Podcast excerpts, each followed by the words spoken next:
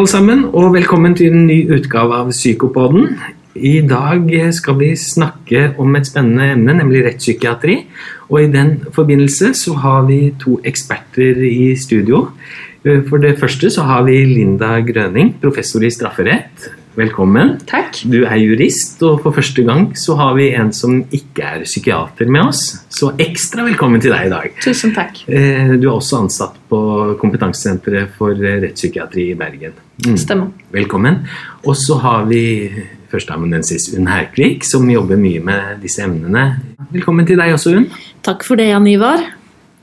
Eh, vi skal som, snak, som, sagt snakke om rettspsykiatri i dag, men med det så skal vi ikke snakke om lover og regler for psykiatriske pasienter eh, som er i psykisk helsevern.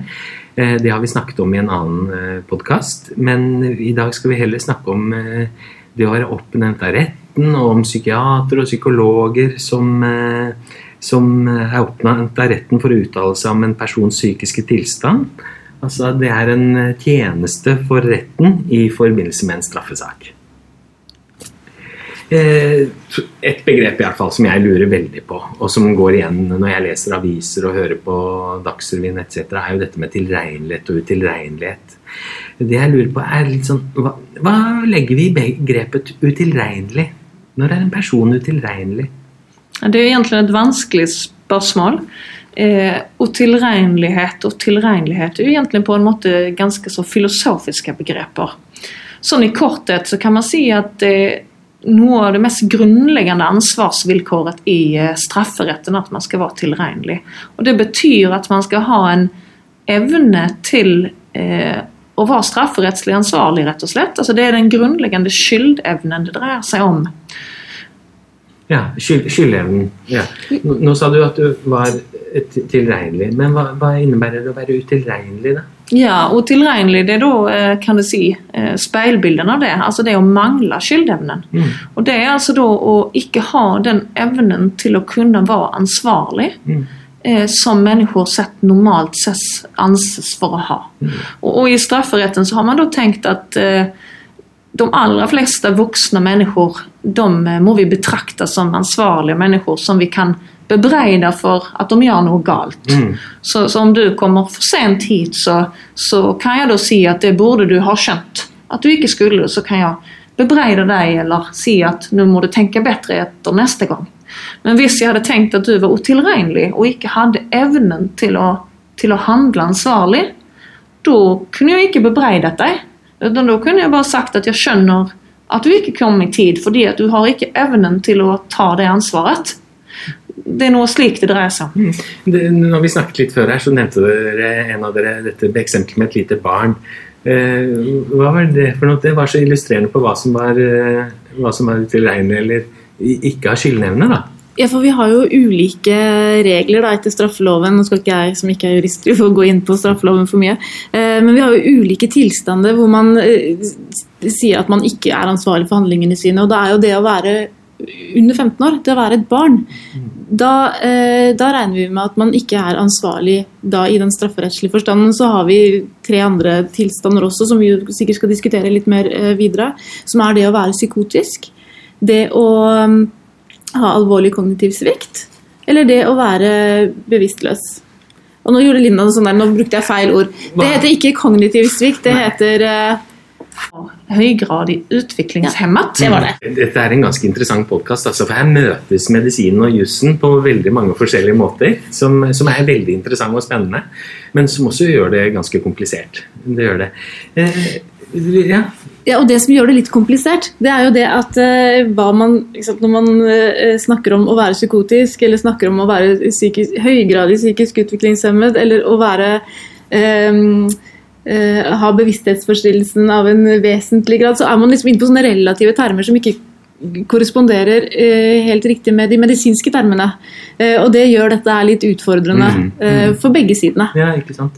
Det jeg tenker på er jo sånn litt der, sånn som vi leser om i avisene. da. Ikke sant? Nå har retten bestemt at det skal, opp, det skal oppnevnes noen sakkyndige.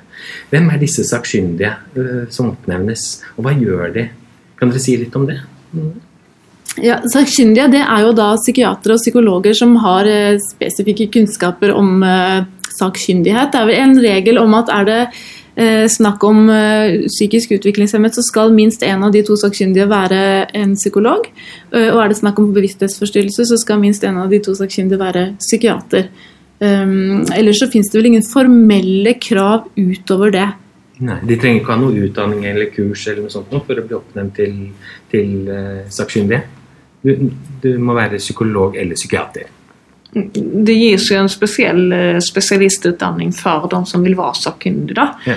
Og som består av forskjellige kurs Mm. som de sakkyndige, eh, eller de som skal være sakkyndige, Ja. eh, tar. Ja, og, og de, de, blir da oppnevnt av retten for å komme med eh, Det er en tjeneste da til eh, rettsapparatet med en sånn vurdering om den psykiske helsetilstanden til, til denne personen som har gjort noe straffbart. Det må være ganske vanskelige vurderinger. Eller det vet jeg jo, for det så vi jo i Breivik-saken, hvor vanskelig dette er. Eh, Kan dere si litt om hva, hva de ser etter, hva de vurderer? Ja, altså For å ta det et steg tilbake, da, så om vi f.eks. ser på eh, jussens eh, vilkår om psykotisk, som, altså, som er en av de såkalte grunnene for at noen kan bli eh, vurdert eh, som utilregnelig. Da sier eh, jussen, eller regelen eller straffeloven, paragraf 20, at eh, den som er psykotisk på handlingstidspunktet, eh, er da fri fra ansvar og skal ikke holdes ansvarlig eller straffes. Og da, eh, inn, altså da har man da sakkyndige for å bistå retten eh, i den avgjørelsen om eh, hvorvidt gjerningspersonen var psykotisk på handlingstidspunktet. Så, så, og da er det da dette juridiske vilkåret om psykotisk, det er da definert i eh, jussen, i forarbeidene, det betyr da at eh, gjerningspersonen eller personen da skal, skal ha hatt det som omnevnes som en vesentlig realitetsbrist på handlingstidspunktet. Og, og for at domstolen skal klare å, å eh, å vurdere om det vilkåret er oppfylt, så spør man sakkyndige om hvilken tilstand var denne personen i eh, på handlingstidspunkten. Var han eller hun eh, psykotisk, slik så, som straffeloven krever? Og Det er en veldig vanskelig vurdering selvsagt, som krever forskjellige trinn og som har spesielle utfordringer. Ikke minst det at den skal gjøres tilbake over i tid. Ja, ikke sant? Ja, for det, det, det, akkurat det Linda sier nå, det går inn på noen av de sentrale tingene som er vanskelig når man gjør eh, vurderinger av eh, psykosepasienter generelt. Eh, for det første så er det jo dette med det, det å gå tilbake i tid, hvor eh, eh, en ting er tilstanden til pasienten her og nå, og en annen ting er da tilstanden på gjerningstidspunktet. Eh, fordi det holder jo ikke å ha en diagnose. sant? Det holder jo ikke å ha en, for en schizofrenidiagnose som vi ser at mange av de som dømmes som utilregnelige har. fordi den kan jo flukturere. Du kan jo ha perioder hvor du ikke er psykotisk. eh, og ikke har vrangforestillinger, ikke har hallusinose, ikke har tankeforstyrrelser. Og da vil du jo ikke være utilregnelig i de fasene av sykdommen din. Og her tror jeg det er litt at man kan gå seg litt vill. Fordi um, i, i Norge Skal vi ta medisinsk prinsippdiskusjon nå, eller er blir det litt mye av det gode? Nei, jeg tror vi kan ta litt av det. Altså, fordi det har jo vært så mye omsnakket. Det psykologiske prinsipp, det, det medisinske prinsipp. Kan, hvis dere kan som kort si noe om det, sånn at jeg skjønner det. Ja, altså Veldig enkelt så betyr det medisinske prinsippet at for å bli vurdert som utilregnelig og uten ansvar, så er det tilstrekkelig at man var i en viss tilstand, f.eks. var psykotisk på handlingstidpunkten.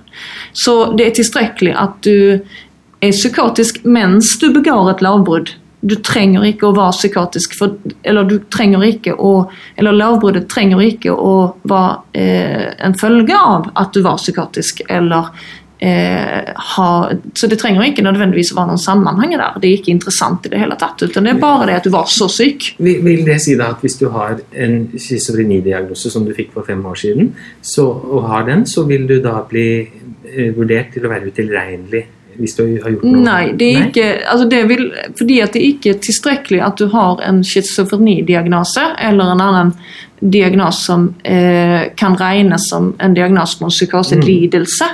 Utan du må være psykotisk.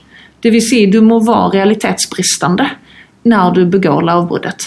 Så, og det, på denne punkten så er norsk strafferett eller norsk utilregnelighet den regelen er veldig streng. Så Danmark eksempel, der kan du bli utilregnelig om du har en schizofrenidiagnos, selv om du ikke nødvendigvis er realitetsbristende. Det var det medisinske prinsippet. Det psykologiske prinsipp. Ja, Da er det det at du i tillegg må eh, at man legger til noen vilkår, som gjerne er noen vilkår som dreier seg om hva du eh, ikke skal ha skjønt, eller at du ikke skal kunne kontrollere deg. Slik som Typisk sett så er det sånn at den som f.eks. har en alvorlig eh, psykisk lidelse, og derfor ikke forstår hva han eller hun gjør, eller kan kontrollere sine handlinger, er fri for ansvar. Så da legger man til noe. Mm, nettopp man, i, da- Ved det psykologiske prinsippet så legger man jo da til da, at du skal mangle eh, evnen til å vite om det du gjør er riktig eller galt. At du skal mangle, eller at du ikke skal ha kontroll over handlingene dine. Så du legger til en dimensjon som må måles Ja. på et eller annet vis. Ja.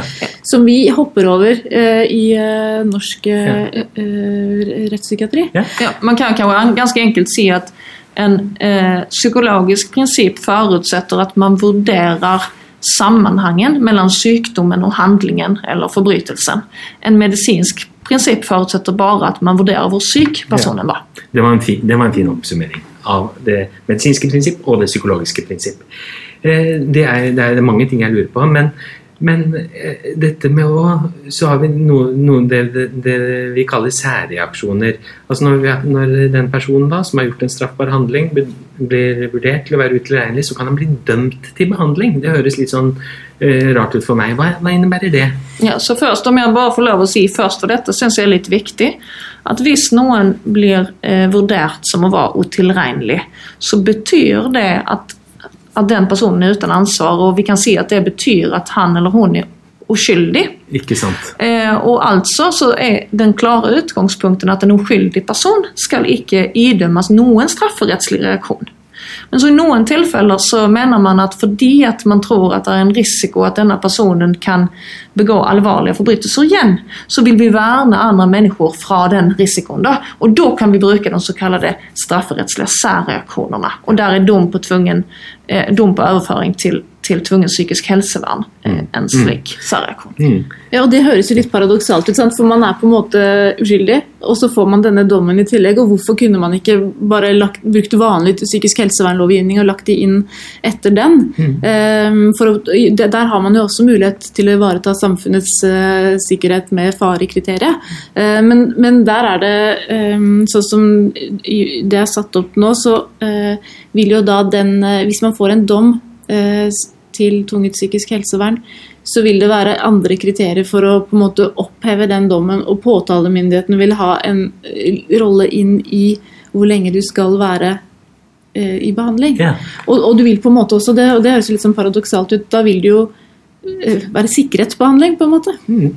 Ja, du vil være sikret behandling. Men, men jeg lurer på sånn eh, Hvis du da blir eh, dømt til, eh, til behandling eh, Kommer du da på et sykehus, eller kommer du på en poliklinikk, eller hva, hva er det denne behandlingen innebærer? Ja, det spørs litt. Det er en sånn eh, obligatorisk eh, Når du har dømt til denne, så, så først skal du da bli vurdert under en tidsperiode, som jeg tror er tre uker etter gjeldende eh, rett. Eh, og det betyr at da er det opp til, til eh, den ansvarlige behandleren og å vurdere hva for slags behandling denne personen trenger, og, og hvor den behandlingen må gjennomføres. Så etter disse første perioden som da må gjennomføres i en institusjon, så kan det bety en poliklinisk oppfølging eller behandling. eller- Ok, ja. Så det du sier er at hvis du blir dømt til behandling, så kan du være innlagt da i bare tre uker?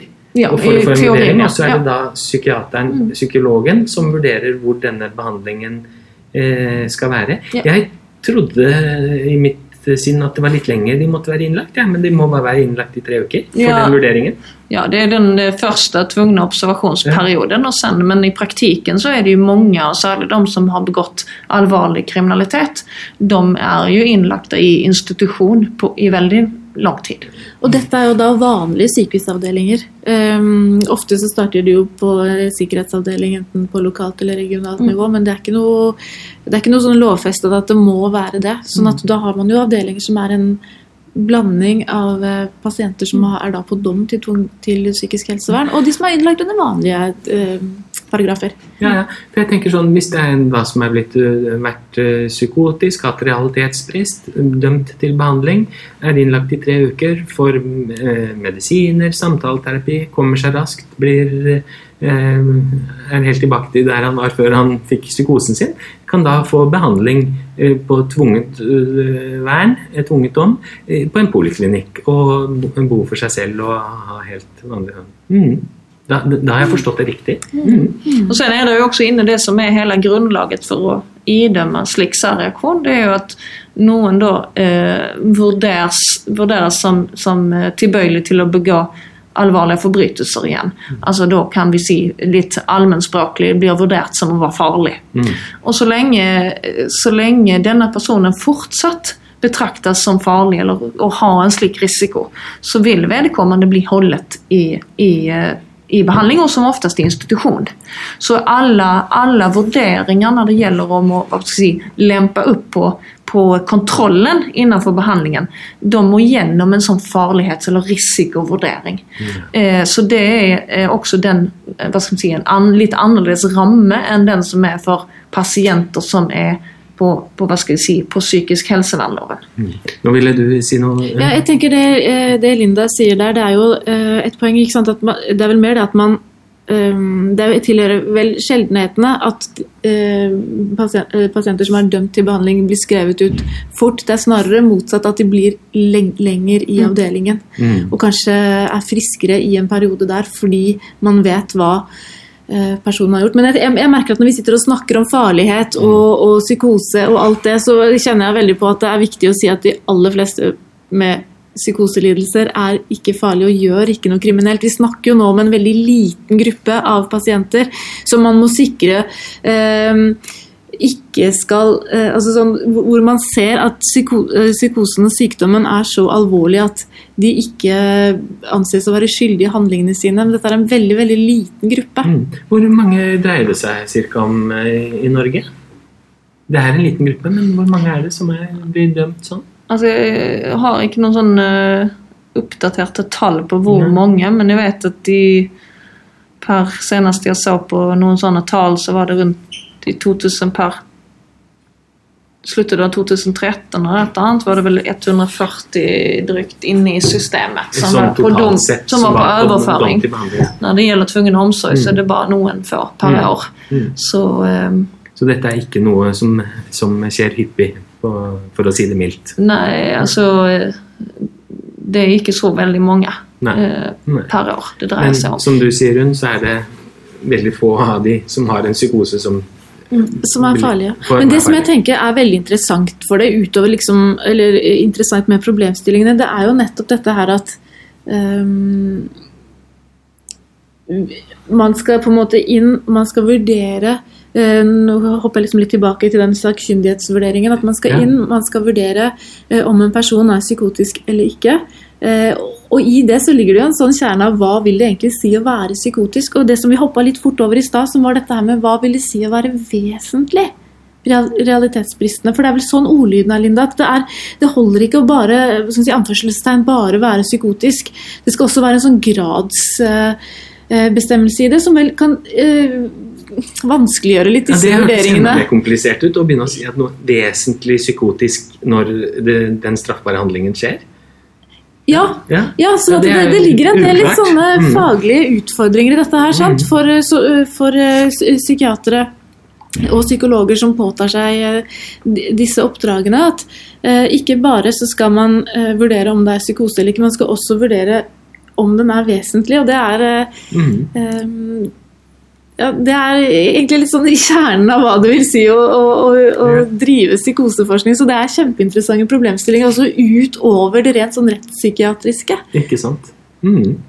Men eh, da tror jeg vi takker for oss, jeg. Ja. Eh, tusen takk for at dere stilte opp, og så høres vi. Tusen takk. Ja, tusen takk, Jan Ivar. Og takk, Linda. Tusen takk, Gunn.